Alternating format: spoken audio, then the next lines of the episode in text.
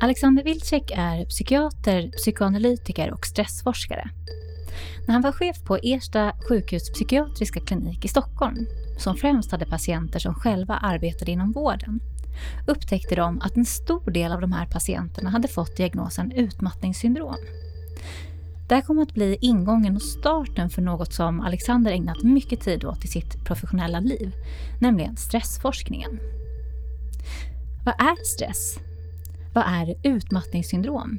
Vilka symptom har det och vilka är riskfaktorerna? Vilka är de som drabbas av utmattningssyndrom och hur kommer man tillbaka? Finns det en länk mellan medberoende och utmattning? De här frågorna och många fler svarar Alexander Wilczek på i det här avsnittet om stress och utmattning. Och nytt för just det här avsnittet är att ni lyssnare har fått ställa era frågor. Tack för svåra, kloka och jätteintressanta frågor.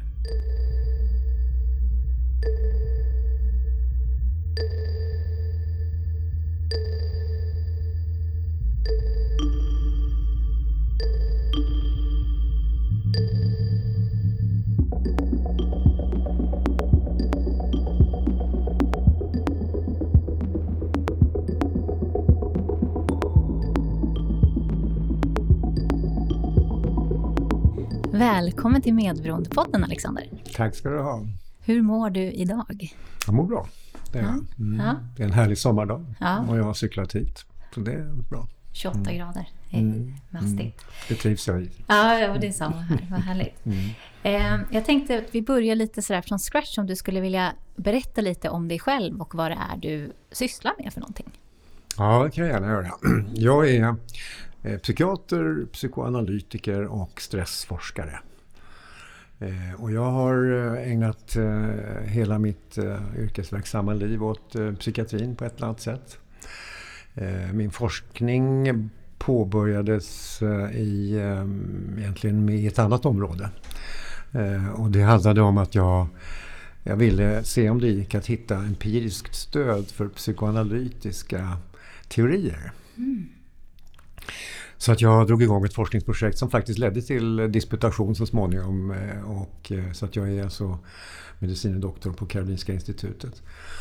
Sen, eh, sen kan jag säga det när det gäller psykoanalytiker så, så efter att jag blev specialist i psykiatri i mitten på 80-talet så började jag min psykoanalytikerutbildning. Och jag har varit verksam som psykoanalytiker fram till för några år sedan på en liten deltid så att säga för att hålla hantverket levande. Men eh, att jag nu har hamnat i stress och utmattningssammanhanget som ju är anledningen till att jag är här. Det har mer att göra med att jag 2012 blev eh, verksamhetschef för Erstas sjukhus psykiatriska klinik. Det var en klinik som var väldigt riktad till sjukvårdspersonal. Så jag skulle säga att nästan 99 procent av våra patienter på kliniken var läkare, sjuksköterskor, Eh, psykologer, psykoterapeuter, undersköterskor och mentalvård, mentalskötare och, och en och annan eh, chef, mellanchef och sådär. Det var, det var alltså eh, så det var redan när jag kom 2012. Mm.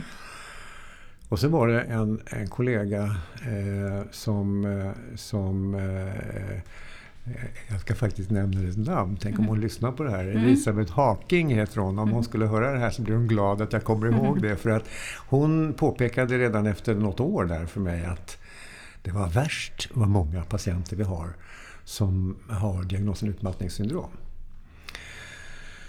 Och då bestämde vi att det här ska vi titta lite mer systematiskt på. Och sökte och fick en massa pengar från landstinget, sammanlagt 6 miljoner, vilket ju var jättebra.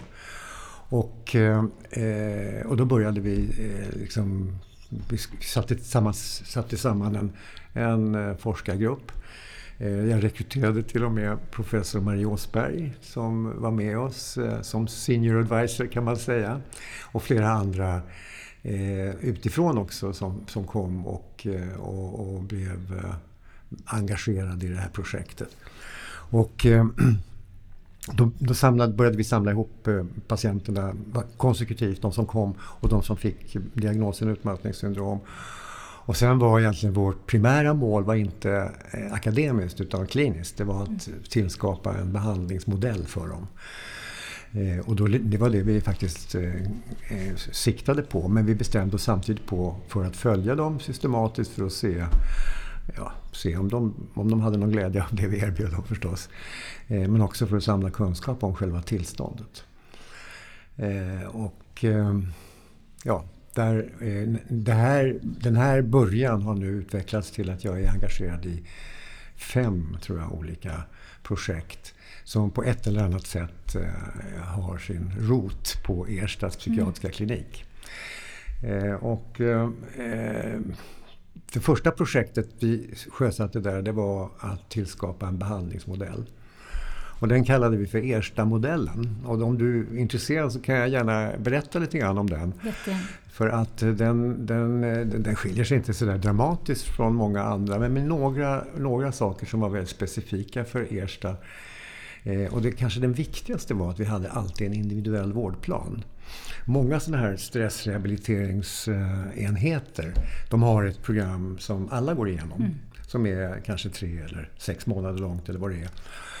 Men på Ersta så hade vi istället så att vi hade en hel palett med olika behandlingsmöjligheter, eh, behandlingsalternativ. Eh, och så satte vi ihop ett program individuellt för varje enskild patient. Eh, och, eh, så det fanns inte någonting som var obligatoriskt utan alla patienter var med vid kompositionen av den här eh, vårdplanen. Vad kunde det bestå av? Liksom? Ja, jag, jag, jag, jag, går in lite grann på ja. det. Eh, alla erbjöds någonting som vi kallade för kursen. Mm -hmm. och det var, en, eh, det var fem, fem föreläsningstillfällen som vi hade snurrande, det var en gång i veckan. Man behövde inte gå varje vecka om man inte orkade eller ville. Och man kunde plocka in dem när som helst under året för de mm. rullade på så att säga. Och de här undervisningstillfällena handlade om vad är utmattningssyndrom? Vad är det du har råkat ut för? Vad kommer det här att innebära för dig och ditt liv? Hur kommer ditt förhållande till Försäkringskassan se ut? Hur kommer ditt förhållande till arbetsgivarna att se ut? Och hur kommer ditt förhållande till dina anhöriga och din familj se ut? Alltså sådana konkreta eh, kunskapsområden som vi ganska snart förstod att det var jätteviktigt. Mm. Eh, inte minst med tanke på att eh, i den här patientgruppen så var det ju vet, ganska många som sa så här, oj då, vad betyder det här? Ja, till att börja med måste jag sjukskriva dig och jag föreslår två månader. Två månader! Det är ju helt omöjligt för jag ska ju till Australien nästa vecka och föreläsa. Alltså, det var, mm. det var den, den, diskussionen som man hamnade i hela tiden. Så därför var det väldigt viktigt det här att, att ge dem kunskap om vad det är de dels har råkat ut för och också om vad som väntar dem. Mm. Eh, och sen, sen var det naturligtvis sådana här saker som ja, allmän stresshantering, avspänning, eh, mindfulness, yoga. Det, det fanns för de, som var, för, för de som det bedömdes vara lämpligt förstås. Alla hade en individuell samtalskontakt. Eh, det kan ha varit en psykolog, det kan ha varit en erfaren psykiatrisjuksköterska. Alla hade sin egen patientansvariga läkare förstås. Eh, många av dem behövde hjälp med sömnen, det är väldigt vanligt. I början var det inte sällan att man började med, med någon form av sömnmedicin. Men vi hade också, erbjöd också sömnskola, alltså en riktig sån här tuff KBT-sömnskola för de som, de som det bedömdes lämpligt för. Eh, en annan sak som, jag, som, som är lite speciell för, för Ersta-modellen det var att eh, vi erbjöd alla en existentiell samtalsgrupp. Och den, den gruppen bestod av eh, en, en präst eller en diakon. Som, Ersta diakoni har ju kyrka också mm. och sådana saker. Förutom somatisk och psykisk. Numera finns det ingen psykisk vård. Jag återkommer till det. Men, men eh, vi, eh, så att vi, vi, vi tillskapade en, en vi förstod att när en, när en människa rycks ur sin professionella vardag och sin privata vardag också för den delen om det är ett allvarligt tillstånd så innebär det en stark eh, existentiell kris. Mm. Plötsligt så börjar man undra, vem är jag? Hur, hur ska jag ta mig ur det här? Man, många av de här patienterna skämdes för att de inte gjorde sitt jobb, att de lämnade sina arbetskamrater i sticket. Alltså, och, eh, eller sin familj för den delen också. Mm. De kunde liksom inte... Eh, alltså det blev en, en, en oerhört kris mm. i dessa människor.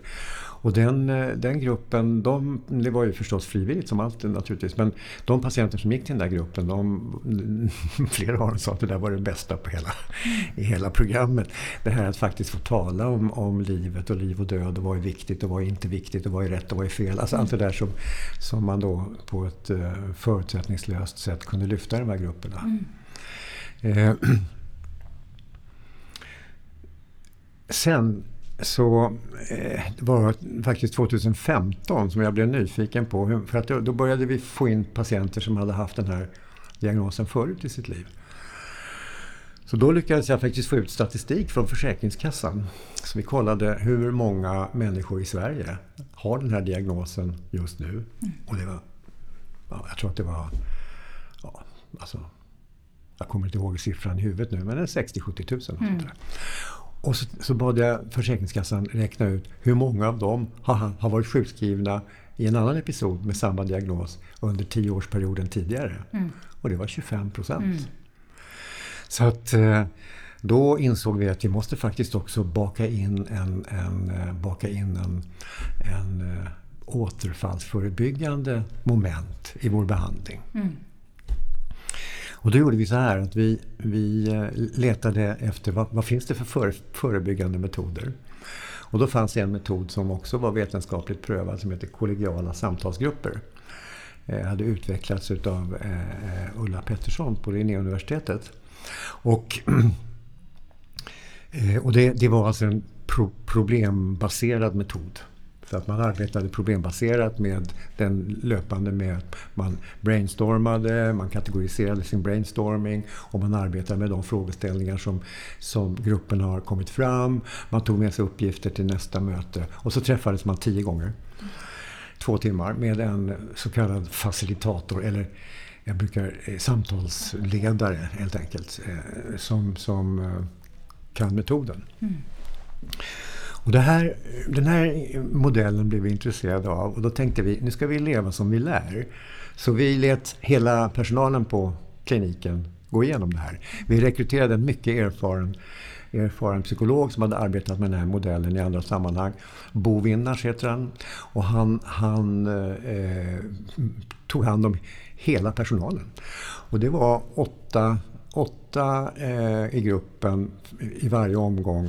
Och jag tror att vi var 55 pers som jobbade på, på Ersta på den tiden. Så det blev ja, fem, fem, sex grupper totalt mm. eh, som, som snurrade under det där året. Mm. Eh, alla utom jag var med. Jag var ju chef så jag fick inte vara med. Eller jag skulle mm. inte vara med, det är klart. Men, och det som var intressant var alltså dels att jag fick, som chef fick jag jättevärdefull feedback från mina medarbetare de kunde ju komma överens om att det här, det här måste vi lyfta med Alexander. För att det är något som, som han behöver tänka på och åtgärda. Och då, då kunde jag göra det. Men sen var det också så här att jag tänkte så här, nu tar jag alltså 50 plus personer eh, sammanlagt 22 timmar ur så att säga det kliniska arbetet. Mm. Så att det här kommer ju märkas i budgeten. och, eh, så att jag behövde förbereda min eh, sjukhuschefen eller, och min controller på att det här ska faktiskt äga rum nu och att jag ser det som en angelägen utveckling av min personal. Mm. Men eh, det lustiga var, alltså, inte vet jag om det har något samband, men det året gjorde vi ett kanonresultat. Mm. Så att, och jag, alltså, förstår du, det var verkligen intressant. Alltså. Mm. Och mm, det som också föll ut ur det här var att de i min personal som blev liksom intresserade av att lära sig att bli samtalsledare. De satte vi en sån utbildning. Och den utbildningen kom då att handla om att, att tillsätta den här typen av kollegiala reflekterande grupper med sikte på att förebygga återinsjuknande. Mm. Så att våra patienter kunde då få del av det här som ett led i att, att förbereda dem för att inte bli sjuka igen när de kom tillbaka till verkligheten. Mm. Eh, jag har säkert glömt. Eh, man, om man googlar på Ersta diakonis hemsida och, letar efter Ersta-modellen så ligger texten där. Mm. Eh, och sen så satte vi ett andra, ett, en andra etapp var ju att faktiskt undersöka om den här, om den här återfalls eller eh, återinsjuknande preventionen funkade. Mm. Och det fick vi också en massa pengar av av landstinget. Men då la de ner oss istället. Amen. Så att eh, ibland mm, blir det lite motsägelsefullt så vi kunde ju inte följa de här patienterna tyvärr. Mm. Jag gick ju till landstingspolitikerna en gång om året och så visade jag mina kurvor och sa Titta i, i år är ännu fler utav er personal sjuka. Och så gick jag tillbaka år efter år och så sa jag så här, så här i år ser det ut så här. Och till slut sa de väl så här, så där kan vi inte ha det. Och så la de ner oss. Mm. Jag tänker så här, mm. Ehm, för vi kommer ju prata, det här är ju ämnet vi pratar om så att säga. Mm. Jag tänker bara börja ställa den här jätteenkla frågan. Vad är utmattningssyndrom? Mm. För att liksom lägga ribban mm. lite. Ja, det, det, är inte enbart en enkel fråga att ställa. För det är, det är, en fråga som det tvistas om en hel del. Eh, inte minst eh, så från akademiskt håll så är det till och med diagnosen ifrågasatt. Eh, så att det, är en, det, är en, det är en viktig fråga. Och eh, för oss som har också en, en, stabil fot i den kliniska världen, för oss är det inget snack om saken. Det här är ett mycket allvarligt tillstånd eh, som finns. Att säga. Många psykiatriker vill gärna knuffa in det i depressionsfacket och kalla det, vi kallar det också på, på 90-talet för utmattningsdepression. Eh, men vi vet idag att det är två skilda tillstånd. Eh, och, eh, och många, många vill också eh, leta efter eh, så kallade premorbida drag hos patienterna för att skylla det på patienten. Och det vet vi också att det är inte alls det det handlar om utan det här är en, en strukturell arbetsmiljöfråga faktiskt. I första hand. Sen finns det naturligtvis mer eller mindre sårbara människor också men det, det är i andra hand. Eh, utmattningssyndromet eh, Eh, är ett, ett, ett, skulle jag vilja säga, eh, kollapsen efter en lång, lång, lång inledning. Den inledningen brukar vi ibland kalla för riskfasen. Och då eh, handlar det om att man under den här riskfasen eh, har, alltså vi brukar prata om balansen mellan ansträngning, stress alltså och återhämtning. Den måste vara okej okay för att man ska hålla sig frisk. Mm. När stressnivån stiger och återhämtningen inte är tillräcklig, då är risken att man blir sjuk. Den ökar. Och då ser man ofta hos de här patienterna, när man tittar tillbaka på deras berättelse, att de kanske hade en första känning för ett och ett halvt år sedan. Eh, och då är de nere under den här balanslinjen och då tänker oj, oj, oj, jag måste ta ledigt. Och så tar de en extra semestervecka och har en skön och bra vecka och kommer igen och fortsätter eh, och känner sig som vanligt. Och sen så kommer de igen i en svacka. Kanske inte riktigt lika djup. De tänker att jag tar lite, en långhelg med lite jourkomp eller övertid eller något sånt där. Va? Och så går det upp igen. Och så kommer de ner under strecket en gång till. Aha, oj, nu är det dags igen, nu måste jag vila. Men den gången går det inte, utan då bara fortsätter det och rasar rakt ner. Så insjuknandet eh, vid utmattningssyndrom, det är inte sällan ganska akut faktiskt. Eh, den kanske vanligaste är att man inte kommer ur sängen. Och det som är så obehagligt och otäckt och det som också sätter, gör att människor blir så rädda.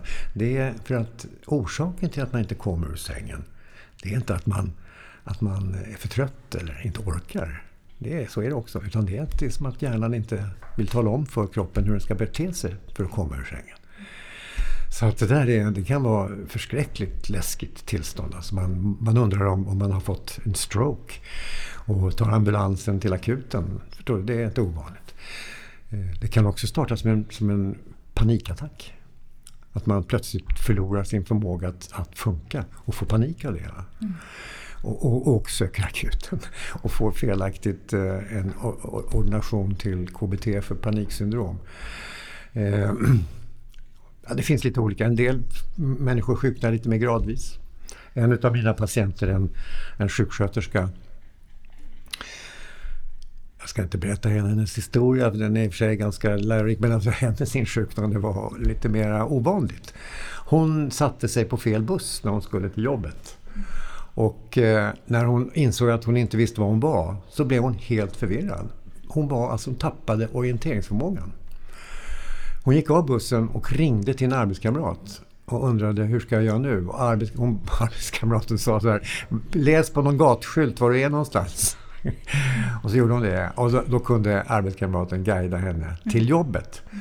Och eh, klokt nog så sa arbetskamraten, du, du ska inte vara här nu utan du ska gå till, till eh, akuten. Mm. Eh, och, och, som sagt, och sen kan jag säga så att om man då tittar på diagnosen utmattningssyndrom så det finns en hel rad med kriterier men det finns tre huvudsakliga symptom. Det första det är den här monstruösa tröttheten. En del kallar den för hjärntrötthet. Därför att det är liksom, ibland är det så att kroppen kan funka och göra saker men hjärnan är helt utslagen. Eh, det är en trötthet som man inte kan vila bort. Den, den, liksom, man är lika trött på måndag morgon som man var på fredag kväll. Eh, och eh, det, blir, det händer liksom ingenting när man försöker återhämta sig och vila. Eh, och, den är, och det är en trötthet som, som bara gradvis klingar av. Den andra eh, kardinalsymptomet det är det som vi kallar för kognitiva symptom. Eh, och det är allt det här som har med språk, minne, eh, uppmärksamhet, eh, förmåga att förstå, hålla flera tankar i huvudet samtidigt, lösa problem, eh, planera. Alla de här sakerna som, som ingår i, i våra kognitiva färdigheter, de lägger ner mer eller mindre.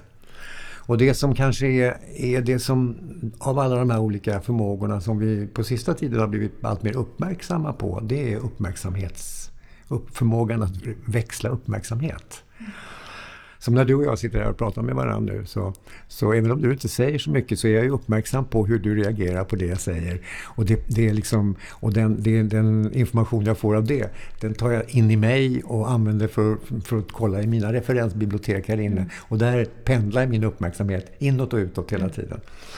Och dina frågor får mig att fundera på vad ska jag svara nu och så vidare. Alla, den pendlingen, mm. den förlångsammas. Så att, eh, och den är ju helt nödvändig för att man ska funka i, i mellanmänskliga sammanhang. Mm. Eh, och så att det är en sån aspekt av de kognitiva funktionerna. Minnet är ett annat problem för många som har... Alla jobb kräver ju att man minns. Jag kommer ihåg en, en utav mina en av mina patienter, en in, intensivvårdssjuksköterska, som berättade att de senaste månaderna så har hon varit tvungen att stanna kvar på jobbet efter arbetstidens slut för att gå igenom alla de ordinationer hon hade gjort under dagen. Mm. För hon var rädd för att hon hade missat något och kom inte ihåg hur hon hade gjort. Och om hon inte hade gjort det så kunde hon inte gå och lägga sig på kvällen. Då var natten förstörd. Då låg hon bara och vred sig och oroade sig för att hon hade gjort något fel. Och det hade ju delvis att göra med att hennes, hennes minnesfunktion, hon kom inte ihåg om hon hade gjort rätt eller fel. Så att, och sen den tredje av de här tre som jag är inne på, det är något som vi kallar för stresskänslighet. Och det är ett jätteproblem, för att för en del går det aldrig över. Och det betyder att man, man, de, den här tröttheten och de här kognitiva problemen triggas väldigt lätt mm. av stress. Och I början är det ganska naturligt att det är så. Och för de allra flesta så blir det här ganska, ganska eh, liksom hanterbart. Eh, men de allra flesta eh, patienter jag träffat, även de som var utmattade vid förra stora utmattningsepidemin vid sekelskiftet, alltså för 20 år sedan, de berättar att de fortfarande idag måste tänka på det där de måste tänka på vad de lägger in i en dag. De måste ha en liksom, klok och vettig agenda. För att om de gör saker på förmiddagen och på eftermiddagen så kan de omöjligt lägga in något på kvällen. Ska de iväg på något på kvällen så måste de vila på eftermiddagen. Alltså sådana där saker så att, för att hålla, hålla symptomen borta. Men vad är det som händer då liksom i själva stress? Vad är, vad är stressen? Ja, just det. Ja, det är en bra, jättebra fråga faktiskt. Ja. Eh, jo, stressen är när man, när man eh, ställs inför uppgifter som är krävande eller svåra. Det handlar inte om att koka kaffe och sånt, för det, den nivån det har man oftast lagt bakom sig. Men om du till exempel är på jobbet och din chef kommer in och säger att Hör du, nu visar det sig att eh, Lisa är sjukskriven, så jag vill att du tar över hennes jobb idag. Det även om det är en rimlig begäran från chefen och det inte är så mycket att göra för Lisa, som Lisa skulle ha gjort, så kan bara den liksom, uppgiften plöts, plötsligt påkomma kan vara en sån där situation som gör att liksom, de kognitiva funktionerna kollapsar och man, man vet inte vad man heter knappt. Sådana saker. Men, men och det, det, är den här stresskänsligheten som jag skulle säga i, i rehabiliteringsfasen. Sen den här stresskänsligheten som finns längre fram. Det är mer det här att om du, om du struntar i att du redan har gjort en sak på förmiddagen och en på eftermiddagen och ändå går på den där middagen på kvällen. Så får du plikta med att ligga och vila i två dagar efteråt. Kanske ibland till och med med, med huvudvärk och i ett mörkt rum. Vara ljudkänslig. Mm. Så att, eh, var det svar på din fråga? Ja, jag mm. tänker ur ett mm. större perspektiv. Liksom, det där är kanske en, ett exempel på hur, hur, vad som konkret kan ske. Liksom. Mm. Men det som sker i en under stress, en stresssituation. Liksom, är det att överlevnadsstrategierna triggas igång? Eller jag tänker, det finns ju, eh, det har varit ganska mycket liksom, nu på TV med Anders Hansens program till exempel om, mm. om hjärnan och sådär. Liksom. Där tittar han ju väldigt mycket på, på Eh, stenåldersdelen i oss och, och stressens funktion och sådär. Liksom. Jag tänker att eh, stress är ju ett ord som i alla fall jag upplever att vi slänger med väldigt mycket. Liksom, att så här, oj jag blir stressad eller det är stress. Det, vi, man hör ordet överallt. Liksom. Ja, det har du rätt i. Men vad, vad det liksom faktiskt innebär. Ja. så. Jo, det var en, en, en råttforskare, jag tror att det var på 50-talet, som heter Schele som som eh, började, började titta på det här med stress genom att stressa råttor och se vad som hände med dem. Och eh, vad, man, vad man vet är att eh, eh när en människa, alltså om vi, tar med, om vi går tillbaka till, till det som alla tycker är så spännande, till, till Lucy på, på stepplandet i östra Afrika. Då är det så att att stresssystemet, och det är samma stresssystem som zebror och babianer också har, det är gjort så att det drar igång en enorm eh, fart på allt möjligt. Inte minst eh, stresshormoner, och blodtrycket höjs och vakenhetsgraden höjs och synfältet krymper ihop och hörseln skärps. Allt det där. Va? Eh, så att man förbereder sig för det som man brukar säga då, flykt eller, eller kamp. Eller faktiskt freeze, mm. som ju många djur ägnar sig åt också. Att man, eh, och det är ju, det är ju den, den klassiska stressreaktionen som vi däggdjur... Jag ska lägga till där, eh, det finns ju en, en, en kvinn, kvinnlig variant på det där. Eh, eller kanske en, en, något som har med, med honor att göra. Och det är att de ägnar sig också åt tend och befriend. Alltså de, de blir i sådana där lägen upptagna av att skydda sin avkomma. Och att kanske eh, till och med försöka bli, minska hotet genom att få igång någon slags dialog med hotet så att säga. Mm. Och, och, så att vi har varit så upptagna av det här med fight and flight eftersom det är vi män som har skrivit historien. Men det finns alltså också ett kvinnligare sätt att reagera på stark stress. Det kan vara intressant att bara nämna. Mm. Det är bara en av de eh, saker som har med, med eh, könsskillnader att göra som jag kanske får återkomma till. Men, men vad som händer då i, i, på, en, på en arbetsplats, för det är framförallt där det här händer.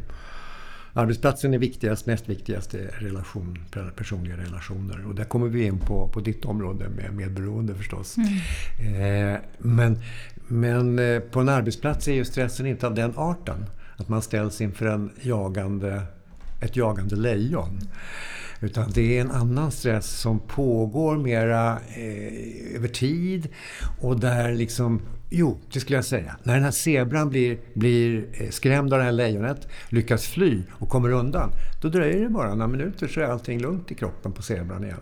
Då har det liksom lugnat sig och återhämtningen är på gång. Va?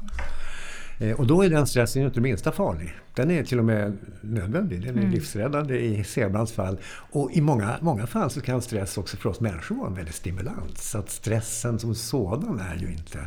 Om jag utsätts för svåra uppgifter så kan det göra att jag stimuleras till stordåd. Men jag måste få vila emellan. Jag måste få återhämta mig. Det är det som är problemet. Och om jag inte får det, då riskerar jag att bli sjuk. Mm. Eh, så att... Eh, nu tappade jag bort din fråga här. sen skulle du tillbaka till arbetsplatsen där. Eh, den här zebran fast på, på arbetsplatsen istället. Ja, just det. Jo, precis. Nej, men på arbetsplatsen är det ju då så att, att där, där, på många ställen upphör ju inte stressen. Eh, och där kommer man ju in på vad som har hänt på den svenska arbetsmarknaden.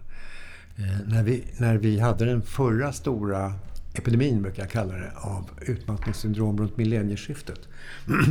Då kunde man se att eh, antalet sjukskrivna stod i direkt proportion till hur, man, hur, hur stor minskningen av personalstyrkan hade varit fyra fem år tidigare.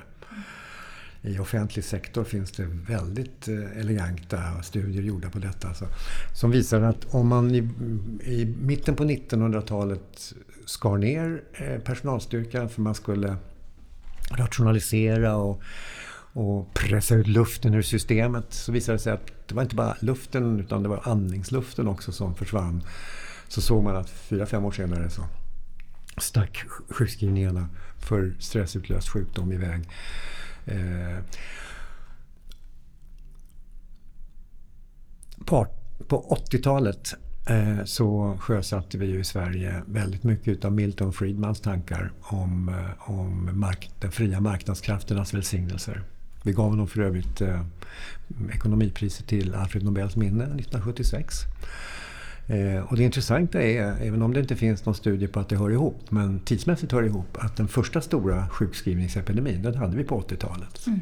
Det var, en, det var en, en, period i Sverige av dramatiska omställningar, inte minst i arbetslivet.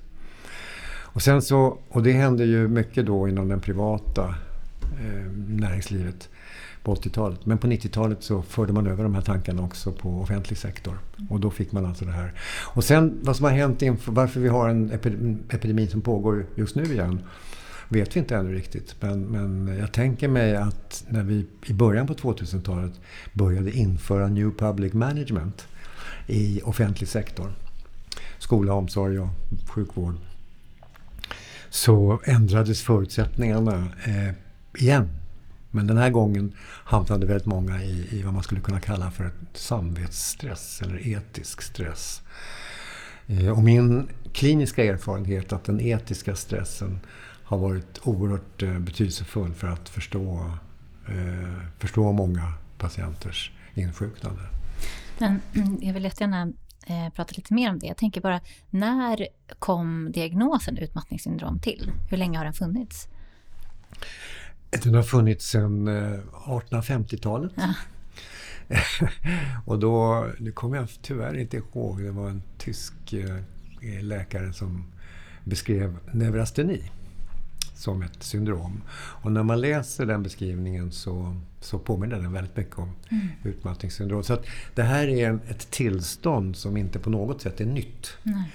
Eh, och, eh, men, men din fråga är alltså Diagnosen eh, spikades 2003 och antogs officiellt av Socialstyrelsen 2005. Mm. Så det är bara drygt 15-16 år som vi har haft diagnosen eh, liksom, liksom stämplad från Socialstyrelsen i, i Sverige också. Mm. Och varför ska man inte kalla det för, du nämnde tidigare begreppet eh, utmattningsdepression eller utbrändhet eller så. Varför ska det inte kallas för det?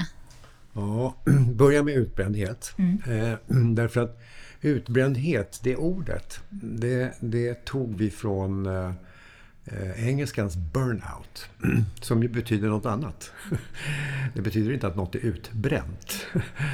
Eh, och burnout-begreppet, det är hämtat från, från arbetspsykologin. Det var ett forskningsområde som, som var ganska levande, framförallt i USA, redan på 70 80-talet. Och, eh, Eh, och då var det, nu kommer jag inte ihåg vem det var som först använde ordet, men, men den person som är väldigt intimt förknippad med begreppet heter Kristina Maslach och är fortfarande en aktiv forskare i USA. Och hon beskrev burnout eh, som, som ett tillstånd med hög risk för, för eh, liksom allvarlig sjukdom. Och eh, vi översatte det där Utbränd, ja jag är utbränd, jag är utbränd. Men, men, eh, så att det hette ju faktiskt utbrändhetsdepression också under mm. en period. Det hette hetat allt möjligt. Mm. Men då gick vi över i Sverige till att prata om utmattning. Och så är det ju så att väldigt många av våra utmattade patienter, de, de blir ju deppade. Alltså eh, ledsna över sitt tillstånd, förtvivlade, uppgivna. Eh, men den här deppigheten, jag kallar det alltså inte för depression längre, mm. som du märker, utan deppigheten, den klingar av. I en del fall tog den också steget över i depression och behövde behandlas med sedvanlig depressiv, antidepressiv behandling. Men, men den klingar av medan utmattningssyndromstillståndet fortsätter och har sitt, sitt eget förlopp så att säga. Och så har vi eh, nu också faktiskt eh, tittat på eh, något som vi brukar kalla för mikropartiklar. Och eh, mikropartiklar det är en eh, ska se om jag kan få ihop det här nu så att det blir en sammanhängande berättelse. Men, men varför jag kommer in på det här med mikropartiklar är att där finns det idag ett laboratorieprov som kan visa en klar skillnad mellan deprimerade och utmattade. Mm. Och, eh, och då är det så här att vi kan idag med ganska sofistikerade analysmetoder hitta mikropartiklar som är i, i, ute i blodet, i vanligt venblod så att säga. Som, och med, med såna här immunologiska trollkonster kan vi tala om varifrån den här mikropartikeln kommer. Och då är mikropartiklar små delar av celler som har fallit sönder. Vi vet inte om de här partiklarna har någon funktion eller om de bara är på väg till återvinningen. Men vi kan tala om varifrån de kommer. Mm. Eh, och då visar det sig att utmattade patienter de har signifikant mera mikropartiklar som kommer från astrocyter. Och sådana celler finns bara i hjärnan. Mm. Medan deprimerade patienter inte har mera sådana än vanliga friska. Så det, det, här är bara ett ganska starkt argument för att det faktiskt är två skilda tillstånd. Men rent kliniskt skiljer de sig också åt. Det är väldigt ovanligt att uh, utmattade patienter vill ta livet av sig. Det förekommer, men det är ovanligt. Eh, det är ovanligt att utmattade patienter är nihilistiska. Det vill säga säger att den här, den, det är mitt fel alltihopa. Det är mitt fel att, att det blir höst och att bladen faller från träd. Jag förstår du? Sådär som mm. deprimerade patienter kan känna. Så att det finns också kliniska skillnader. Vi har idag ett depressionsbegrepp som är väldigt töjbart skulle jag vilja säga. Och vi, många av mina kollegor bland, bland psykiatriker, de gillar att få in saker i depression för då vet de hur de ska göra. Liksom, vad man ska hitta på. Mm. Då har man lite, lite olika behandlingar man kan föreslå. Så. Eh, och det är något jag stöter på när jag är ute och föreläser också. Att eh, då räcker någon kollega upp handen och säger så här, jag vet precis hur man ska bota de här. Ja, hur då? Ja, med den och den medicinen. Ja, så att, förstår du? Så att, och mediciner är dessutom så att, att om du försöker ge en utmattad människa vanlig antidepressiv medicin så vill de ofta inte ha det. För de blir bara försämrade av biverkningarna och tycker inte att de har någon positiv effekt av det. Så att, eh, ja, jag kan säga så här. Eh, om du frågar mig så är det inget snack om saken. Nej. Depression och utmattningssyndrom är två skilda saker. Två helt skilda eh, eller sjukdomstillstånd. Och man kan ju i, diskutera om, om... Egentligen kan man ju diskutera faktiskt om utmattningssyndrom hör till psykiatrin. Nu har den hamnat där. Den har fått en psykiatrisk diagnos. Eh, vi, vet in, vi vet också att det här med, med eh, de här mikropartiklarna korresponderar med ett annat fynd som en forskare på, på Karolinska institutet som heter Ivanka Savic har, har visat. Hon har gjort eh, sån här brain imaging, PET-kamerastudier och där har de visat att uh, utmattade människor har en mätbar förtunning av hjärnbarken mm. i pannloben. Eh, och till all lycka verkar det som att de allra flesta normaliseras efter några år, att det, det går tillbaka. Men några, eh, och då visar det sig att det är mm, kvinnor som regel, där kvarstår de här, den här förtunningen under lång tid. Vi vet ännu inte riktigt varför, men det är helt klart så att det här är en förändring, en hjärnförändring. Jag, brukar, jag brukar ibland kalla det för en hjärnskada, men det är en reversibel skada eftersom de allra flesta blir återställda. Eh, som också sitter i pannloben. Och, och, det som våra eh, neuropsykologer talar om för oss är att det är där i pannloben som de kognitiva mm. Eh, processerna brukar liksom ha sitt säte. Eller åtminstone så händer det liksom elektrokemiska saker i pannloben när man ägnar sig åt kognitiva saker. Mm. Så, att, ehm, eh, så att det här är, och det här är också något som, som, inte, som inte syns på deprimerande. Mm. Vilka är det då som blir drabbade av utmattningssyndrom? Ja, eh, kvinnor. Eh, och eh, man brukar säga att 45-50-årsåldern är en mycket vanlig ålder. Eh, eh, i vårt, i, bland våra patienter på Ersta så hade vi också en, en peak vid 35. Vi hade två, två, två pikar i åldersfördelningen. Mm. på Ersta var över 80 procent av patienterna kvinnor. Mm. Eh, I många andra material ser det ut ungefär likadant. 70, 70, 30, 80, 20. Någonstans däremellan brukar, brukar det landa när det gäller eh, könsfördelningen. Eh, och det är framförallt människor som arbetar i offentlig sektor. De allra flesta, procentuellt sett, de kommer från skolans värld. Det är lärare, eh, både mm, på, mm, alltså på grundskole-, högstadie eller gymnasienivå men också från förskolan. Eh, och det är omsorgspersonal och det är sjukvårdspersonal. Mm. Sen är det en del poliser, ganska många präster och diakoner eh, finns med i statistiken. Eh, en, en, hel del, en hel del socialsekreterare. Mm. Det är alltså människor som i sitt dagliga arbete möter utsatta, behövande eller sjuka människor öga mot öga. Eh, och, och, jag tror att det är, det är viktigt. Alltså. Mm. Jag tror att det där just att i, i, en, i en professionell organisation, i en professionell struktur som idag är så otroligt reglerad av eh, inte minst ekonomi så blir de där kompromisserna som man måste göra när man sitter öga mot öga med en medmänniska alltså skadliga. Jag brukar eh, tänka mig ungefär som att man får ett, ett inre skavsår av att kompromissa med sin, sin moral, med sin etik, med sina värderingar för mycket. Och om inte det där skavsåret får läka så, så blir man sjuk. Alltså. Så tror jag det är. Men, mm, och du, jag vet att du, har, du brukar ta upp ibland också de här olika faktorerna. Liksom, mm. Och då det, kan det vara, dels då är det ju de som är yrkes, alltså mm. jobbrelaterade mm. faktorerna mm. och sen individfaktorer. Vilka är de här faktorerna? Ja, om vi börjar med, med jobbet. Mm. De, de, de, är ju, tycker jag, eh, de, eh, alltså de viktigaste. Och då är, vi tillbaka hos Kristina Maslach. Eh, hon med burnout i, Amerika. Hon har publicerat flera arbeten som handlar om de här faktorerna. och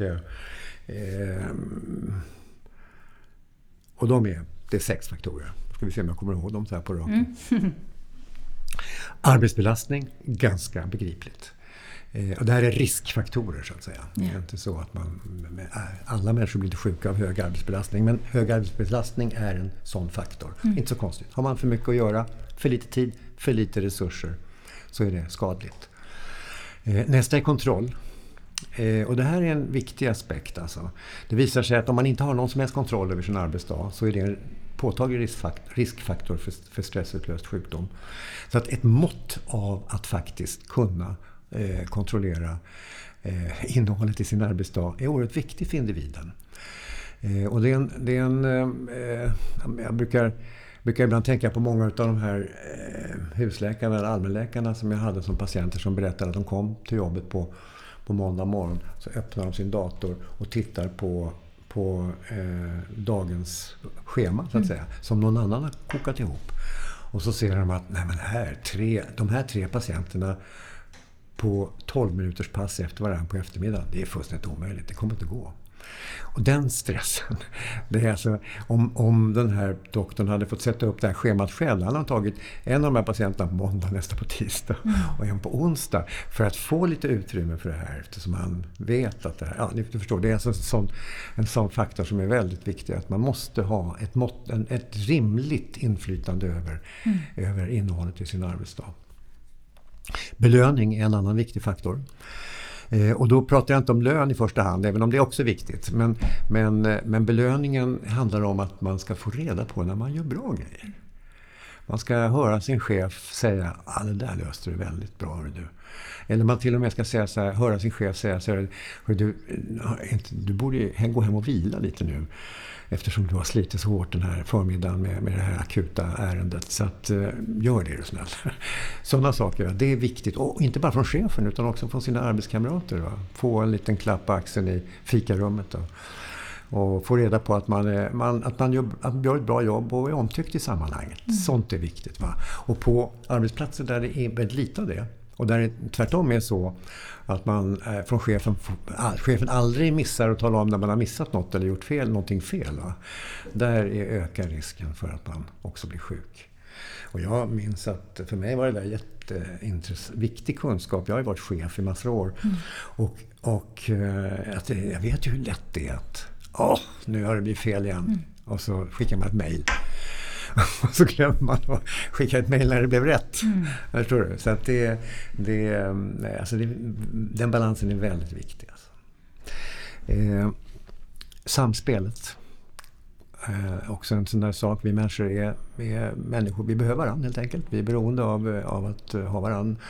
Och vi är beroende av att samspelet också ska vara gott. Och då brukar jag enkelt säga det att om du arbetar på en arbetsplats där det är kul att gå till fikarummet och du gör det gärna och du slår dig ner och pratar med dina arbetskamrater och har trevligt i fikarummet och känner att de tycker att det är trevligt att du är där också.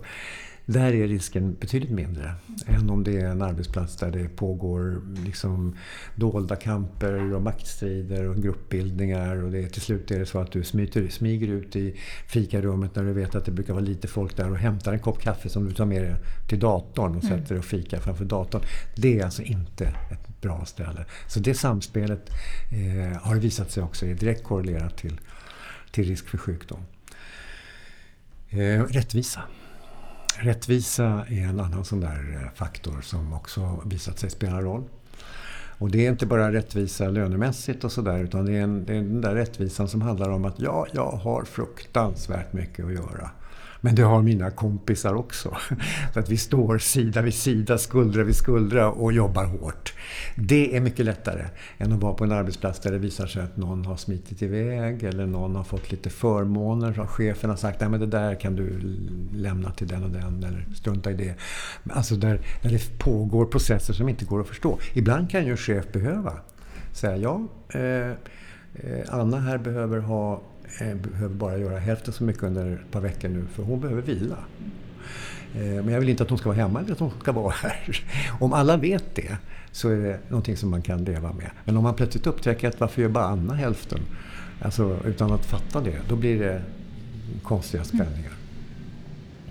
Och sen kan jag inte låta bli att också påpeka det här med, med könsskillnaderna här. Va? För det är ju en, Alltså det är ju inte klokt egentligen. Att vi har ett, vi, vi fortfarande idag i ett av världens mest jämställda länder har en, har en sån dramatisk skillnad när det gäller insjuknande för kvinnor och män i den här sjukdomen. Och där vi vet att det handlar om arbetsmiljöfaktorer. Att vi idag fortfarande organiserar våra arbetsplatser så att de ska passa bättre för oss män är en skam faktiskt. Mm. Så är det. Det är en orättvisa utan dess like tycker jag. Mm. Eh, och sen den sista av de här sex faktorerna det är värderingskonflikten. Och det, och det har jag varit inne på lite grann. Och det handlar om att när man alltså måste i sin dagliga verksamhet kompromissa för mycket med sina egna värderingar då blir man, eh, riskerar man att bli sjuk. Alltså. Så att de här, man kan säga så här att de här, de här sex faktorerna är ju åt båda håll. Mm. Eh, har, man in, har man lagom mycket att göra, har man en tillräckligt bra kontroll, har man en, får man, känner man sig uppskattad och belönad, är samspelet gott och man har, tycker att det är en rättvis situation och man hamnar i en situation där man faktiskt kan följa sin egna inre värderingskompass, sin egen moral och etik, då blir man inte sjuk. Men krånglar det på, på flera av de här eller på någon av dem väldigt mycket så är risken för, för, eh, för sjukdom, stressutlöst sjukdom större. Alltså. Mm. Eh, så att det här är, det här är det här är, tror jag, alltså det, de, det viktigaste att tänka på. Så att här, här, har vi ju, här har vi ju mycket att göra från, inte bara från arbetsgivarhåll utan också från faktiskt politiskt håll. Mm att skapa förutsättningar för att bygga en, en arbetsmiljö som, som är gjord för oss människor. Mm. Och, och gjord för kvinnor också. Verkligen. Mm. Och sen har du eh, några, eller tre va, tror jag, eh, faktorer som är individrelaterade. Eller du kanske inte formulerar det just så. Men, Vilka var det? Eh, ja, om jag minns rätt. Jag vill minnas att det hade mm. med medkänsla att göra. Eh, eller empati mm, eller så. Ja, och jag vill minnas att mm. det var den här prestationsbaserade just självkänslan. Mm. Och så var det mm. någonting till en tredje. Ja, just det. Eh, vad var det nu då? Eh, eh, var det samvete? Nej, det kanske var samma. Nej, nej men alltså det, finns ju, det finns ju en... en eh, ja, men, men låt, jag, jag, tror att den tredje var att man, har, att, man har, att man inte kommer helt frisk in i det så att säga. Att man har andra, andra svårigheter som, som Just det, kan... Ja, men det kan, kan ja. Och det, och det finns ju alltid så alltså, att, att vissa, vissa av oss är, har, har eh, en sårbarhet med oss. Det kan handla om att vi har någon annat psykiatriskt tillstånd. Det kan handla om att vi har någon kroppslig sjukdom. Det eh, kan handla om att vi har eh, lite speciella personlighetsdrag. Det kan handla om att vi till exempel har en ADHD. Många utav, eller många, jag ska inte överdriva, men några av våra patienter som inte följde liksom, tillfrisknandet som, som vi hade förväntat oss bland våra patienter och där vi var tvungna att ta ett omtag med utredningen. De visade sig ha högt fungerande ADHD. Mm. Och då var det så att de hade haft en arbetssituation där det fanns så pass mycket luft i systemet så att de kunde kompensera för sina ADHD-svårigheter. Mm. Men när man pressade luften ur systemet som det hette. Va? När man minskade, krympte marginalerna mer och mer och krävde eh, att man skulle göra eh, sex hembesök på, på, en dag istället för fyra. Då, då blev de sjuka. Och då visade det sig att då fanns inte längre fanns inte längre den, de marginaler för återhämtning och strukturering som de här välfungerande men ändå ADHD-patienterna hade. Så det, var, det, är en sån. Det, det, här är en mindre grupp mm. eh, och det är ju en grupp som absolut hör till specialistpsykiatrin som jag brukar säga. Den första gruppen du säger där, den, den identifierades utav en, eh, av en forskare i, på Umeå, Umeå universitet eh, som undersökte Eh, sjuksköterskor och jämförde utmattade sjuksköterskor med jämförbara friska sjuksköterskor eh, som kom från samma arbetsplatser. Och, och då visade det sig i den här att det finns en del skalor som mäter eh, empati, medkänsla, samvetsömhet och samvetsgrannhet och sådana där saker. Då visade det sig att de här som hade sjuknat, det var eh, sjuksköterskor som var mer empatiska, mera samvetsömma, mera samvetsgranna och mer noggranna än de friska kollegorna. Eh, och då visade det sig att alltså, det var ju väldigt på ett sätt tragiskt därför att det är just de som man vill ha på de här jobben mm. som alltså också är sårbara för att bli sjuka. Och så den tredje av de här, eller det var den andra du nämnde, mm. det var ju den här med prestationsbaserad självkänsla. Yeah. Eh, och den, alltså det är ett komplicerat begrepp. Det finns en hel del forskning kring det, till och med eh, utländsk forskning.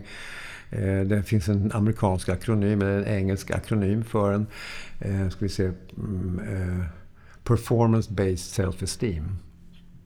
PBSE alltså. Mm. och, och man kan säga så här att det här är, det här är en, en grupp människor som ofta är Eh, Ehm, mycket ambitiösa. Inte sällan också välutbildade. Ehm, och de har en, en inre, en inre, vad ska man kalla det för, ehm, balans som, som förutsätter att de ska kunna ge sig själv en inre klapp på axeln för att de ska vara nöjda. Och, eh, och det är som att eh, det är, inte, det är inte så att de är beroende av att få en massa uppmuntran utifrån. Det, det finns sådana också, men det är en annan grupp. De är inte lika sårbara för det här. Utan de är alltså beroende av att få den där uppmuntran från sig själva. Det är alltså eh, människor som inte kan gå hem från skolan förrän alla föräldrars mejl är besvarade och förrän alla prov är rättade och förrän morgondagens eh, lektioner är förberedda och utmejlade och eh, allt det där. Eh, det är människor som, som till exempel min den här sjuksköterskan som inte kunde gå från jobbet förrän hon hade kollat alla mm. sina ordinationer. Eh, för att om, när hon hade gjort det då kunde hon få den där lilla klappen på axeln och sova gott även om hon inte kom hem förrän klockan nio. Alltså förstår du? Det, det, och så att, det, alltså, så att den, här, den här gruppen har visat sig vara, vara... Man har utvecklat olika sätt för att mäta det här. Eh, och då visar det sig att de som, de som har höga så att säga, poäng på den här prestationsbaserade självkänsleskalan, de har en lite högre risk att bli sjuka. Mm. Eh, och det igen, skulle jag vilja säga, det är ofta människor som som man ju som chef bara drömmer om att få anställa. alltså förstår du? Då mm. för att de, de, är så... Ja, de gör ju sitt jobb bra. Lite onödigt bra ibland, höll jag på att säga. De tänker för lite på sig själva. Mm. Och går därför över sina egna gränser för att de ska kunna duga i sina egna ögon. Mm. Så att... Eh, eh, alltså, det här finns. Och de, de här människorna blir också sjuka. Men jag skulle vilja säga så här, de blir inte sjuka på grund av att de har en liten den här egenheten. Utan de blir sjuka för att de arbetar i ett system som inte tar hänsyn till vilka de är. Mm. Förstår du? Så att visst, visst är det så att, att det finns eh, alltid så. Vi är ju olika. Alla blir ju inte utmattade. Det är ju så. Det finns ju många på, på jobbet som inte blir sjuka parallellt med de som blir det. Så att eh, visst finns det eh, liksom individuella, individuella eh, egenskaper, förutsättningar som kan vara öka eller minska risken för sjukdom. Så är det alltid. Men jag vill ändå, jag bara är så... Jag har, jag har varit på så många möten, till exempel sådana så kallade avstämningsmöten. Va? Då sitter jag med min patient, kanske ännu en utav eh, sjukgymnast eller fysioterapeuten eller någon arbetsterapeut som är med som känner patienten väl. Och så är arbets, arbetsgivaren representerad, kanske med en chef och någon från HR. Och så har vi i bästa fall också en handläggare från Försäkringskassan med. Eh, och då kan jag, så, har jag så många gånger hört det där, ja men så har du det jobbigt hemma också. Från arbetsplatsperspektivet? Ja, just det, precis, precis från mm. HR-sidan. Hur har du det hemma? Mm. Och så där, behöver vi tänka på det också. Mm. Och det där eh, blir jag alltid så upprörd över därför att det är som att man så gärna vill försöka skjuta över ansvaret för det här på individen när vi vet att det här är ett arbetsmiljöproblem. Jag tänker ändå att vi ska gå in lite på det som då är Eftersom mm. att det här är Medberoendepodden. Ja, just det. Det är klart. Eh, mm. och så, vad, är, vad är din relation till, till eh, medberoende begreppet eller medberoendeproblematiken eller så? Eh, den, den, eh, jag kan säga så här, den, den, bottnar i, den bottnar i mitt fall i, i min psykoanalytiska mm. kompetens. Eh, där, där jag tänker att relationen mellan, mellan beroende och separation och nu talar jag mm. inte om, om substansberoende Nej, utan precis. beroende överhuvudtaget framförallt beroende av, av, eh, som det heter på psykoanalytiska, objektet. Mm. Det vill säga den andra människan. Mm. eh, och att, att eh, och där brukar jag tänka så här att vi, har ju, vi kommer ju alla ifrån ett absolut beroende. Eh, alltså, jag har en gång i tiden varit så beroende av min mamma och min pappa så att jag hade dött utan dem. Mm. Eh, och det, det är någonting som är någon slags utgångspunkt eller plattform mm. för mig som människa. Va? Sen har, sen har då eh, det här beroendet knådats och, och, påverkats, förändrats och utvecklats av mina erfarenheter.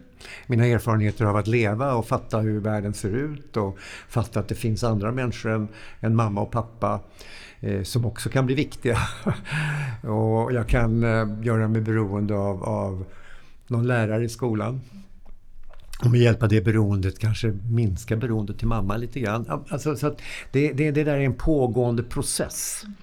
Eh, och man kan väl säga så här att det som, det som eh, finns i den andra vågskålen här, det är separationen. Mm. Alltså det här att man, att man faktiskt blir övergiven, lämnad, ensam. Och det är en, en skräck. För, för mig som bebis så var det livsfarligt. Så att det är, och den där skräcken tror jag den finns kvar mer eller mindre starkt hos oss människor. Och då, då tänker jag så här att det är en av våra stora uppgifter här i livet. Att eh, i vårt vuxenblivande, eller vad man ska kalla det för, vårt mognande. Att hitta en balans mellan, mellan beroende och rädslan för separation. Mm. Eh, och jag, jag tänker på Eh, det här är nu tankar som vare sig har med, med, med missbruk att göra eller med utmattning att göra. Utan tänker på patienter som jag, som jag har stött på som, som aldrig vågade gå in i något riktigt beroende. Mm. Som för att undvika risken för separation förhöll sig så att säga oberoende.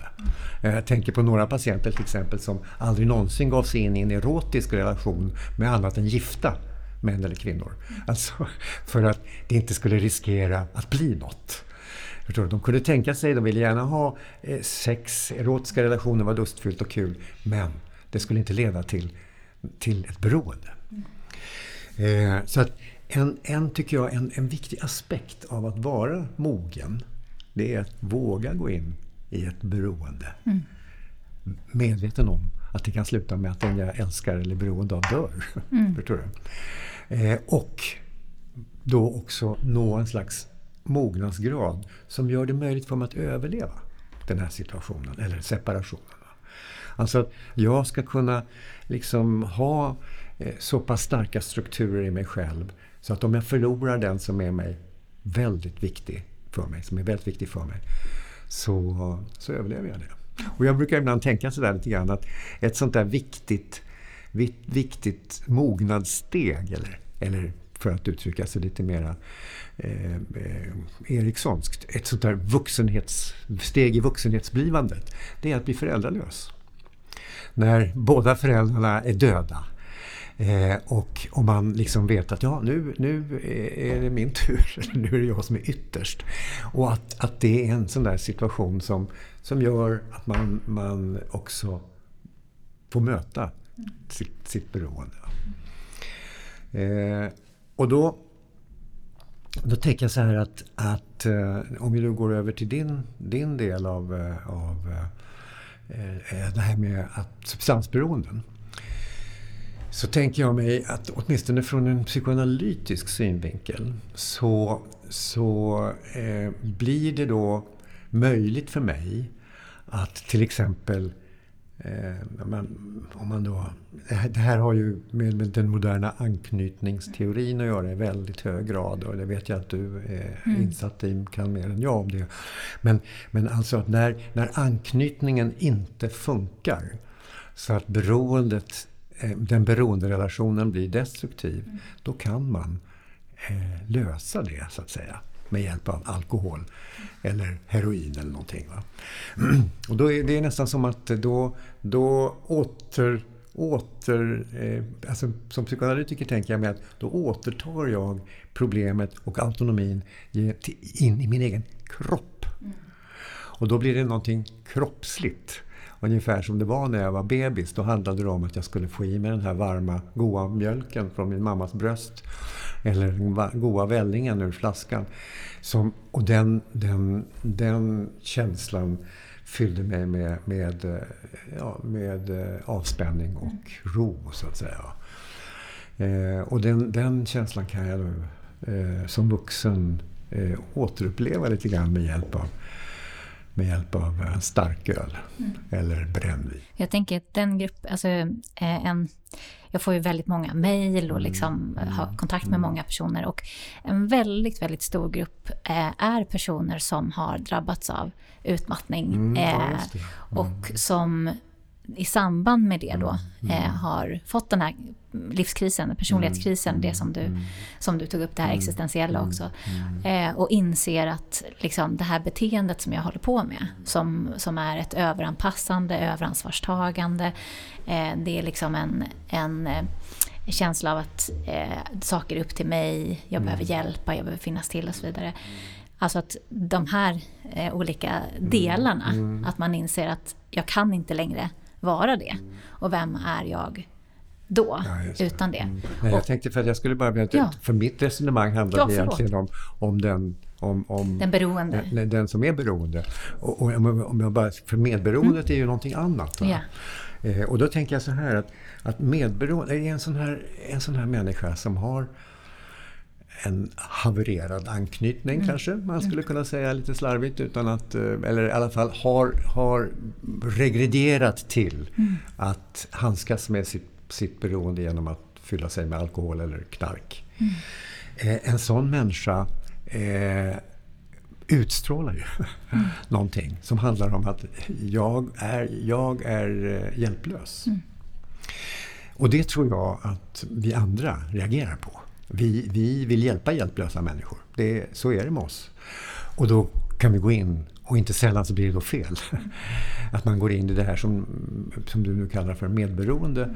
Eh, och som, som eh, jag tänker mig, jag har, jag har inte så hemskt ingen egen erfarenhet av att arbeta med medberoende personer. Men, men jag föreställer mig att man, att man i, i det läget eh, är, är ute efter att reparera en trasig anknytning. Mm. Och att det är någonting som vi människor tycker om att göra. Vi gillar att, eh, att försöka få ihop folk. Om, om en människa börjar gå sönder så vill vi gärna hjälpa till att hålla ihop den människan. Sådana är vi. Eh, och då tänker jag så här. Utifrån din erfarenhet, det här som du beskriver, mm. att många som du har arbetat med som är medberoende också har drabbats av utmattningssyndrom. Så tänker jag så här att, att eh, den, den medberoende personen har ju ofta eh, ett heltidsjobb mm. med sin relation. Ett ganska ofta otacksamt heltidsjobb. Mm. Där stora insatser ger lite, eller kanske ibland negativt resultat till och med. Och om den här människan då dessutom ska hålla på och kanske försörja familjen, ta hand om barn, sköta ett arbete, så är vi ju inne på nummer ett i min alltså att arbetsbelastningen mm. blir övermäktig. Mm. Så att, eh, ja, det är inte alls konstigt. Jag tänker då mm. även om jag bara relaterar till det du sa nu, så mm. tänker jag också att om ditt liksom, privatliv eller din relation blir ett heltidsarbete så kan man ju applicera de här riskfaktorerna på arbetsplatsen även där hemma. Det, det, eh, det, tänker jag. Inte helt långsökt. Eh, precis, kontrollen, kontrollen brister ju. Precis. Arbetsbelastningen blir för Rättvisan. hög. Kontrollen brister. Någon belöning är det inte tal om. Rättvisan. Samspelet mm. kanske också. Precis. Rättvisan är borta. Mm. Och, och, eh, och, och, och, du, och, du, hamnar kanske till och med i en slags... I en slags... Vad ska jag kalla det för, en slags etisk eh, kris. Yeah. Därför att du, du eh, gör allt så att det ska bli gott. Mm. Men du ser att det gör ont. Mm.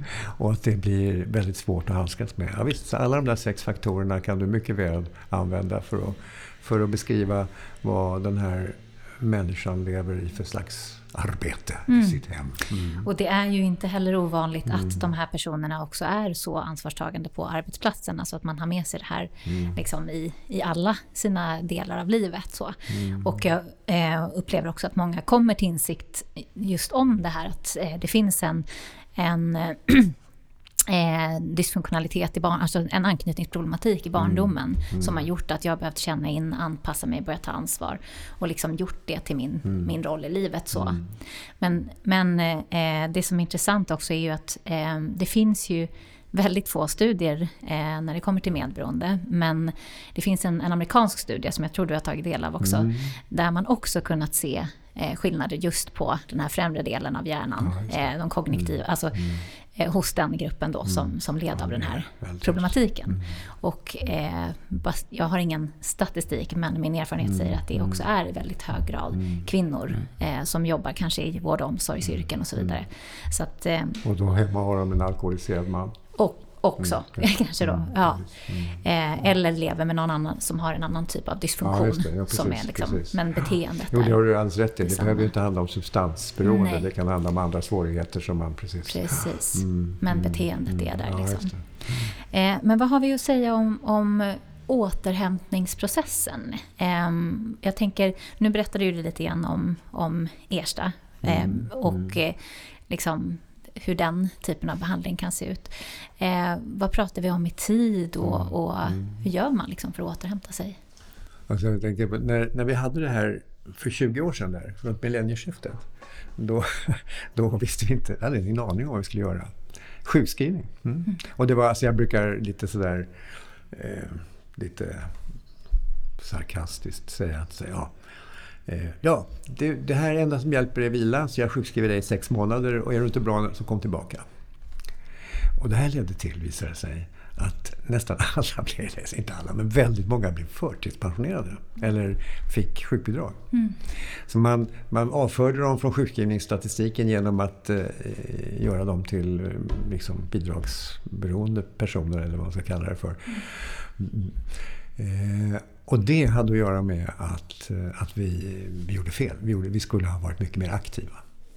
Jag brukar ibland jämföra det där med, med att bryta benet. Mm, då har vi frågat runt bland våra ortopedkollegor om det finns någonting som, som man kan hitta på, något som gör att benet läker fortare. Och det gör det inte. Det tar den tid det tar för ett ben att läka. Men det betyder ju inte att när jag kommer till akuten och bryter med, med en brutet, bruten arm och de konstaterar att den är bruten så du får gå hem och vänta, det läker. Så är det ju inte. Utan istället så eh, lägger man dem till rätta, man immobiliserar med gips eller något sånt där och man ger mig smärtstillande så att jag inte ska ha ont och man ger mig ett träningsprogram så att jag ska hålla igång axeln så att jag inte blir stel och kommer igång. Visserligen tar det då lika lång tid för, för det här att läka men när det väl är läkt så är jag liksom tillbaka på banan på ett helt annat sätt. Det är lite grann på samma sätt med, med utmattningssyndrom. Alltså att, att vi måste under den här för att börja med tidsperspektivet. De allra flesta är tillbaka efter ett år. Mm. I några fall så dröjer det jättelänge, många år. Eh, i vårt, bland våra patienter så var 22 procent drygt sjukskrivna heltid efter ett år. Men efter tre år så var det bara 3 procent. Och de var oftast sådana som hade någon annan sjukdom eller något annat tillstånd också.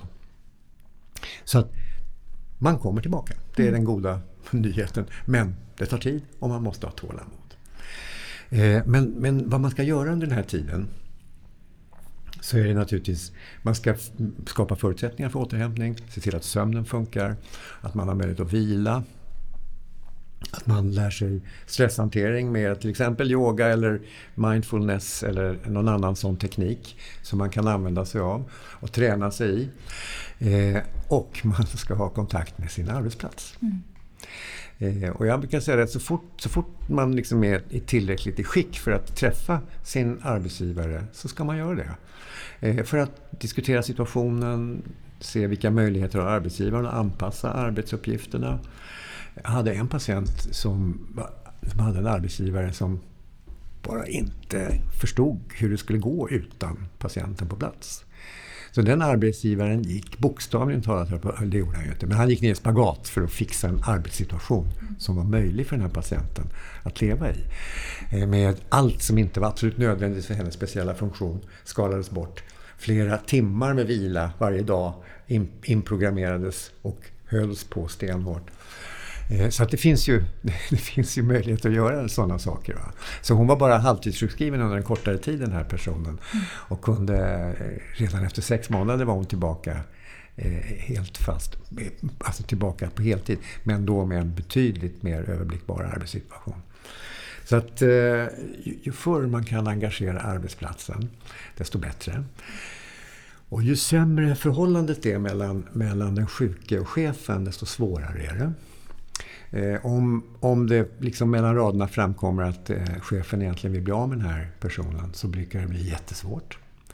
Men om man kan få med sig chefen på tåget och få den här chefen att fatta att den här mycket med, liksom, viktiga medarbetaren kommer att kunna vara tillbaka inom ett år om du samarbetar med oss.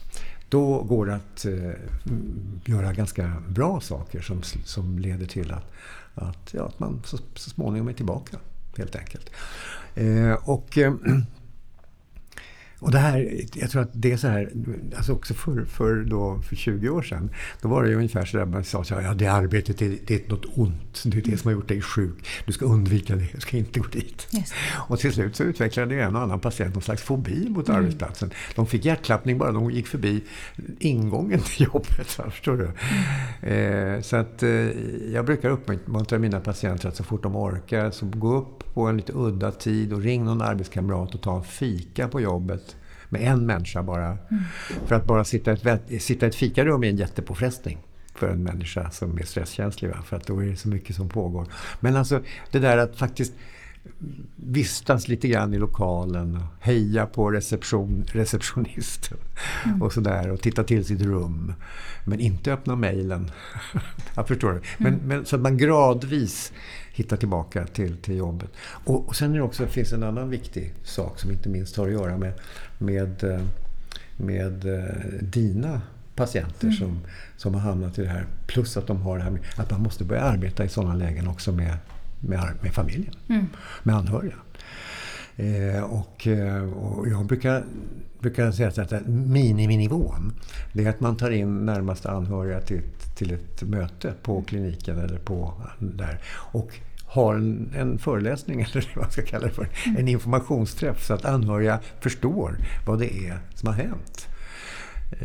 Jag kommer ihåg en, en patient så, som, eh, eh, där, där var det jätteviktigt att eh, storebror och lillasyster, eller om det var stora syster och lillebror, jag kommer inte ihåg, skulle komma, för de var så viktiga. Så vi hade ett möte med tre syskon där jag eh, förklarade för de här båda syskonen vad det var deras syster hade råkat ut för. Så det var sådana, det, det är nog miniminivån. Ibland måste man göra betydligt mer, större insatser förstås. Mm.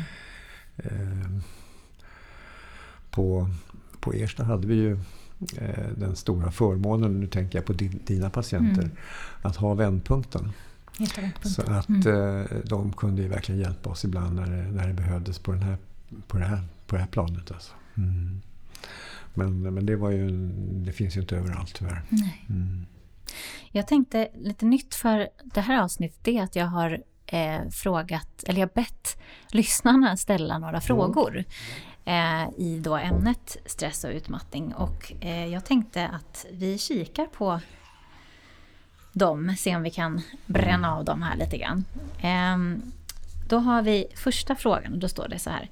Hej, jag har varit sjukskriven sedan i höstas och ska snart börja jobba 25% Är det så att vi som är, slash har, varit utmattade kommer att vara extra stresskänsliga resten av livet?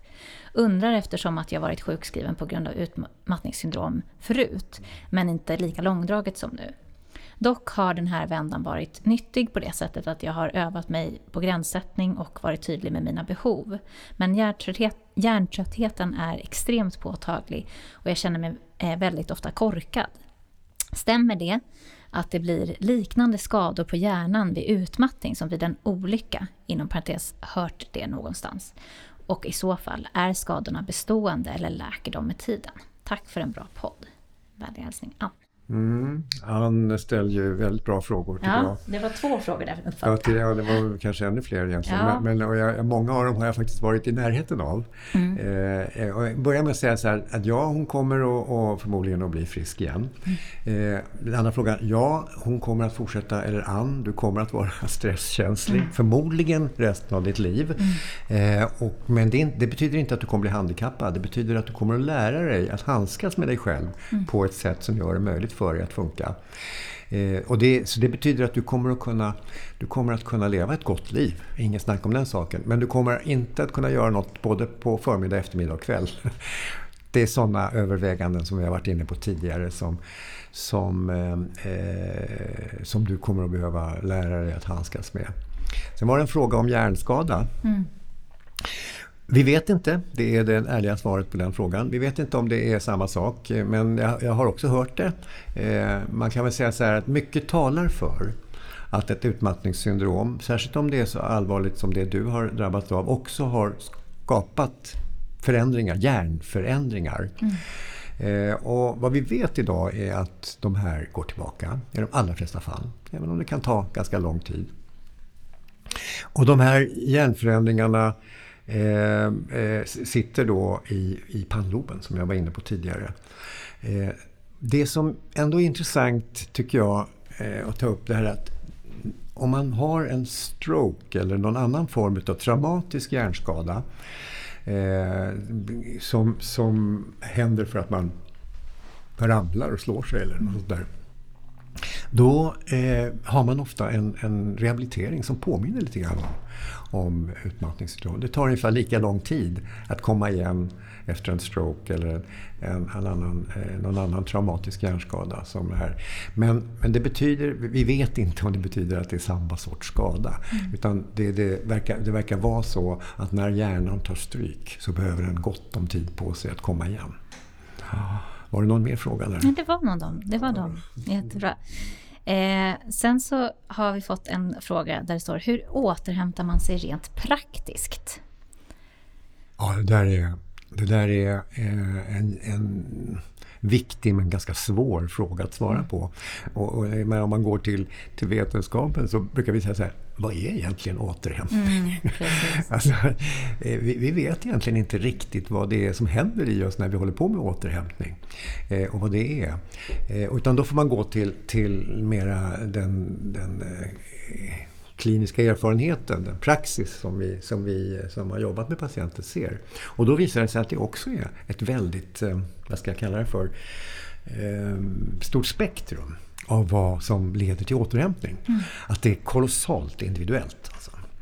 En del, eh, en del eh, tycker om att eh, ligga på soffan och lyssna på musik. Andra tycker att det är härligt att vara ute och jogga. Några tycker att det är återhämtning att fiska. Alltså, det finns, you name it. Men, men jag tror att det som är det som är den gemensamma nämnaren i det här med återhämtning, det är att man ägnar sig åt någonting som gör att tankarna är någorlunda i ro. Mm. Att man inte håller på och löser problem eller grämer sig för något som inte har blivit gjort eller funderar på vad man ska göra imorgon. Utan att man, att man, att man är i ro, att man är i samklang med det man gör. När man ligger på soffan och lyssnar på musik, att man faktiskt lyssnar på musiken. Man hör vilka ord som sjungs eller om det bara är musik så lyssnar man på, på melodier och takter och sådär. Och, och är närvarande i sitt lyssnande. Mm. När man fiskar, att man då håller koll på sin rev eller eh, sin fluga eller vad det nu är man använder sig av. Och inte håller på och funderar på en massa andra saker medan man gör det. Eh, det, det, tror jag är en, en, en, en sån där gemensam nämnare mm. när det gäller det som är återhämtning för, för oss människor. Mm. Jag hoppas att det var ett svar mm, på frågan. Men jättebra. Eh, här är en fråga som är i anhörigperspektivet skulle jag tro. Eh, har en vän som är djupt inne i det, jag antar att det är utmattningssyndrom, mm. eh, vill stötta men anar att hon måste ha sin egen process? Frågetecken. Så här är det att, att eh, en del patienter som har varit svårt sjuka i utmattning Eh, de, de orkar inte med eh, medmänniskors oro, omsorg, eh, engagemang. Eh, särskilt om de är sådana där som, som normalt vill, vill vara eh, tillmötesgående mm. och omtänksamma. Så att eh, jag tror jag, tror jag ska, skulle vilja rekommendera dig som, som ställer den här frågan. Mm. Att eh, bara påminna din vän lite då och då om att du finns och att du kan hjälpa henne om hon behöver hjälp. Och det kan handla hjälp om att gå och handla. Eller, eller eh, göra något annat ärende. Eller kanske till och med skriva till en gemensam vän som pockar på lite för mycket och säger ta det lugnt nu. Vi kan väl, du kan väl ha lite is i magen. Så att, så att, eh, för att just det där att gå in i en relation. Att träffa någon som vill samtala. Eh, så jag har till exempel en, en människa som var sjuk för 20 år sedan som jag fortfarande känner väl. Som eh, begränsar sina tider nu när hon träffar sina väninnor. Efter två timmar så går hon hem. Mm. Och hon, hon, har talat om det för dem. Därför att hon vet att om jag stannar längre än så, hur trevligt det än är, då eh, sover jag dåligt på natten och så blir nästa dag förstörd. Så att det där är någonting som, som eh, din vän här tror jag just nu befinner sig i, kan, kan befinna sig i ett sådant sammanhang. Mm. Så bara att hon vet att du finns mm. eh, och att du gärna hjälper henne om hon vill ha hjälp. Mm. Men att du också respekterar att hon inte orkar. Mm. eh, ta emot ditt engagemang just nu kanske. Mm. Mm. Jättebra.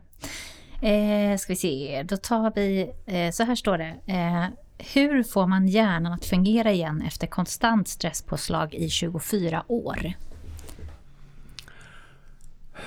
Ja. det var kanske inget lätt.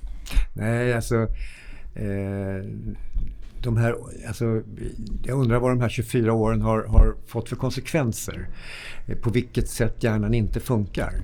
Eh, men, men att befinna sig i ett konstant stresspåslag i 24 år är inte bra för hälsan.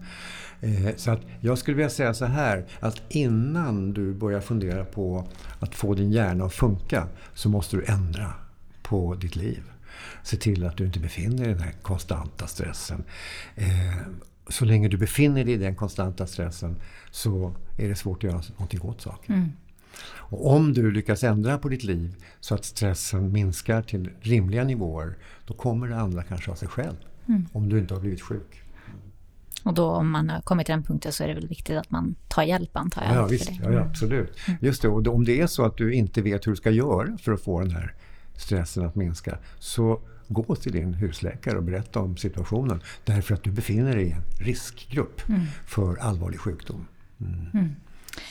Eh, nästa fråga. Kan man läka all skada som utmattning gjort med kroppen? Ja, det där är en svår fråga att svara på. Vi vet idag att, eh, att eh, dödligheten både i hjärt-kärlsjukdomar och cancer är ökad i gruppen av patienter som har varit långtidssjukskrivna för stresssjukdomar. Eh, så att riktigt hur de där mekanismerna ser ut är ännu inte riktigt helt klarlagda. Vi har en del teorier, en del fynd som talar för att som vi kan använda för att förstå det där. Men, men eh, så att hela, hela kroppen påverkas av stress, inte bara hjärnan. Mm. Jag antar att det är det som, som du som skriver det här ja. mm. eh, tänker på. Eh, och jag, jag tänker så här att, att eh, kroppen har en fantastisk förmåga till, till att läka. Om man bara ger kroppen rätt förutsättningar. Mm. Eh, och, och, de, allra flesta som, de allra flesta som drabbas av utmattningssyndrom, de blir friska. Och de lever sen lika länge som alla andra.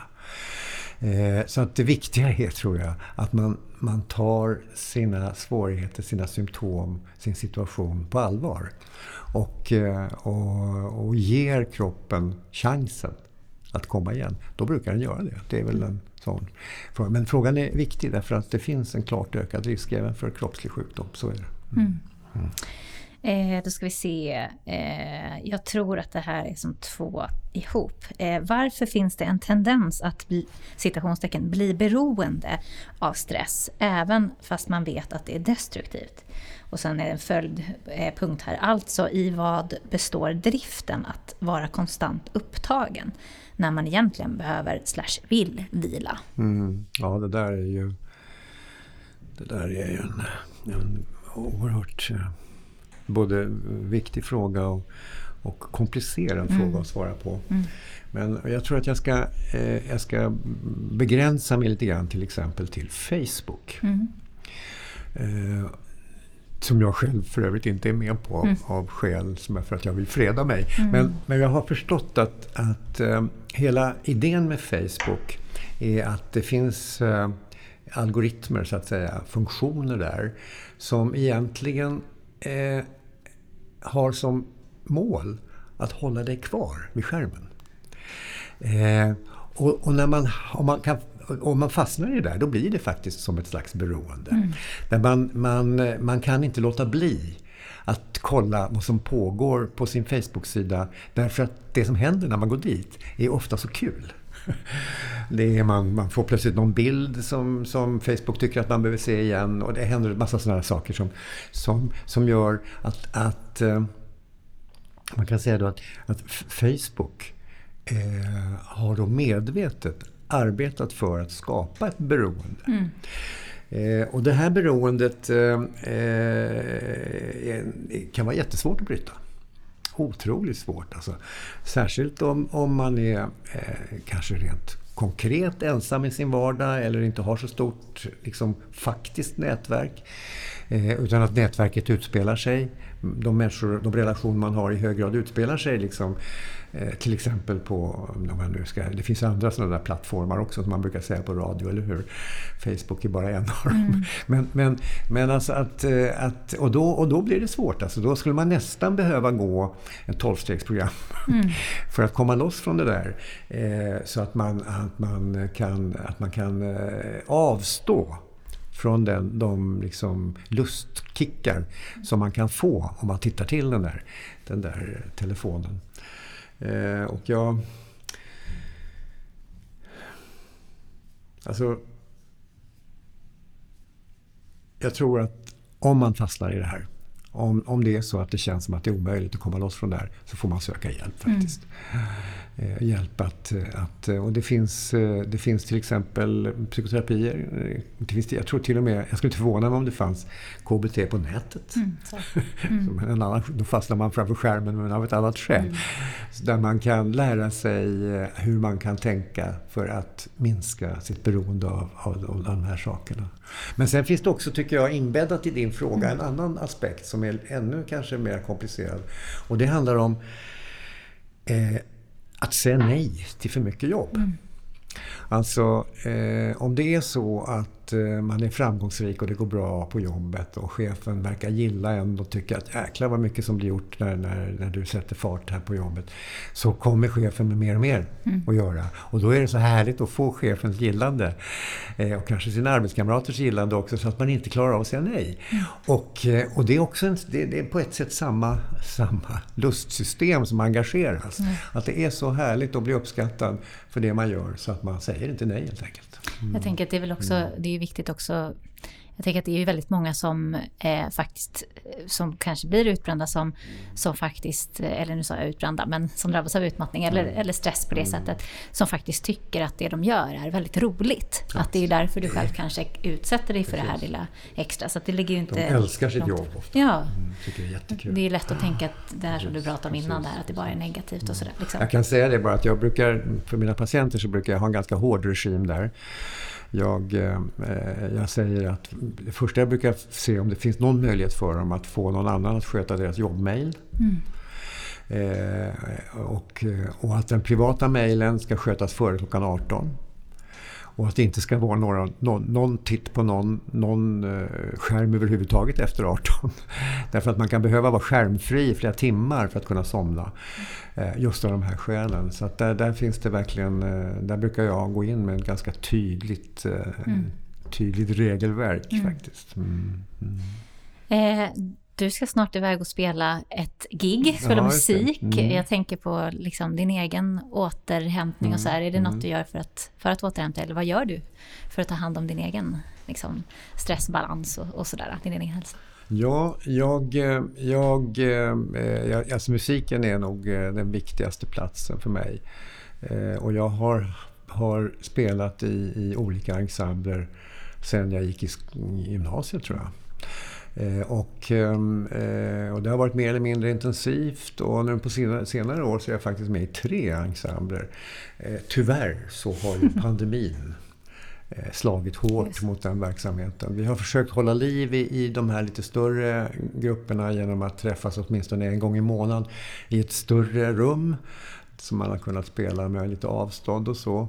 Men det har inte blivit ett enda gig. Mm. Alltså. och men, men, men det, det, har, det har ju med det här senaste året att göra. Men annars har ju de här, de här, eh, det här musikaliska engagemanget det har varit min lekplats, brukar jag säga. Och jag tror att det är viktigt för oss människor att vi har en lekplats i tillvaron. Någonstans där vi gör saker som man gör bara för skojs skull. Mm. Som inte handlar om att det ska vara nyttigt eller ge inkomster eller, eller vara pedagogiskt för någon annan eller så. Utan man är där bara för att det är kul. Mm. Och där, eh, i mitt liv, så handlar det om att musicera. Mm. mm. Fint. Mm. Jag vill eh, verkligen säga stort tack för eh, all din klokskap som vi har fått ta del av. Mm. Eh, och önskar dig en, ja, för trevligt att det blir roligt med gigget här mm, då, ja, en trevlig mm, sommar, fortsatt mm, sommar också. Mm, mm, tack snälla. Tack ska du ha för att du bjöd in mig och, och öppnade den här viktiga frågan. Tusen tack. tack. tack. Arbetet med Medberoendepodden har jag sedan starten 2015 gjort helt ideellt. Men för att kunna fortsätta det här arbetet så behöver jag din hjälp. Du kan stötta Medberoendepoddens arbete genom att swisha ett valfritt bidrag till 070-243 4202 eller genom Patreon. Funderar du på om du är i riskzonen för att drabbas av utmattningssyndrom? Då kan du gå in på keds.nu, alltså K-E-D-S, och göra Karolinska institutets stresstest som kallas för just KEDS.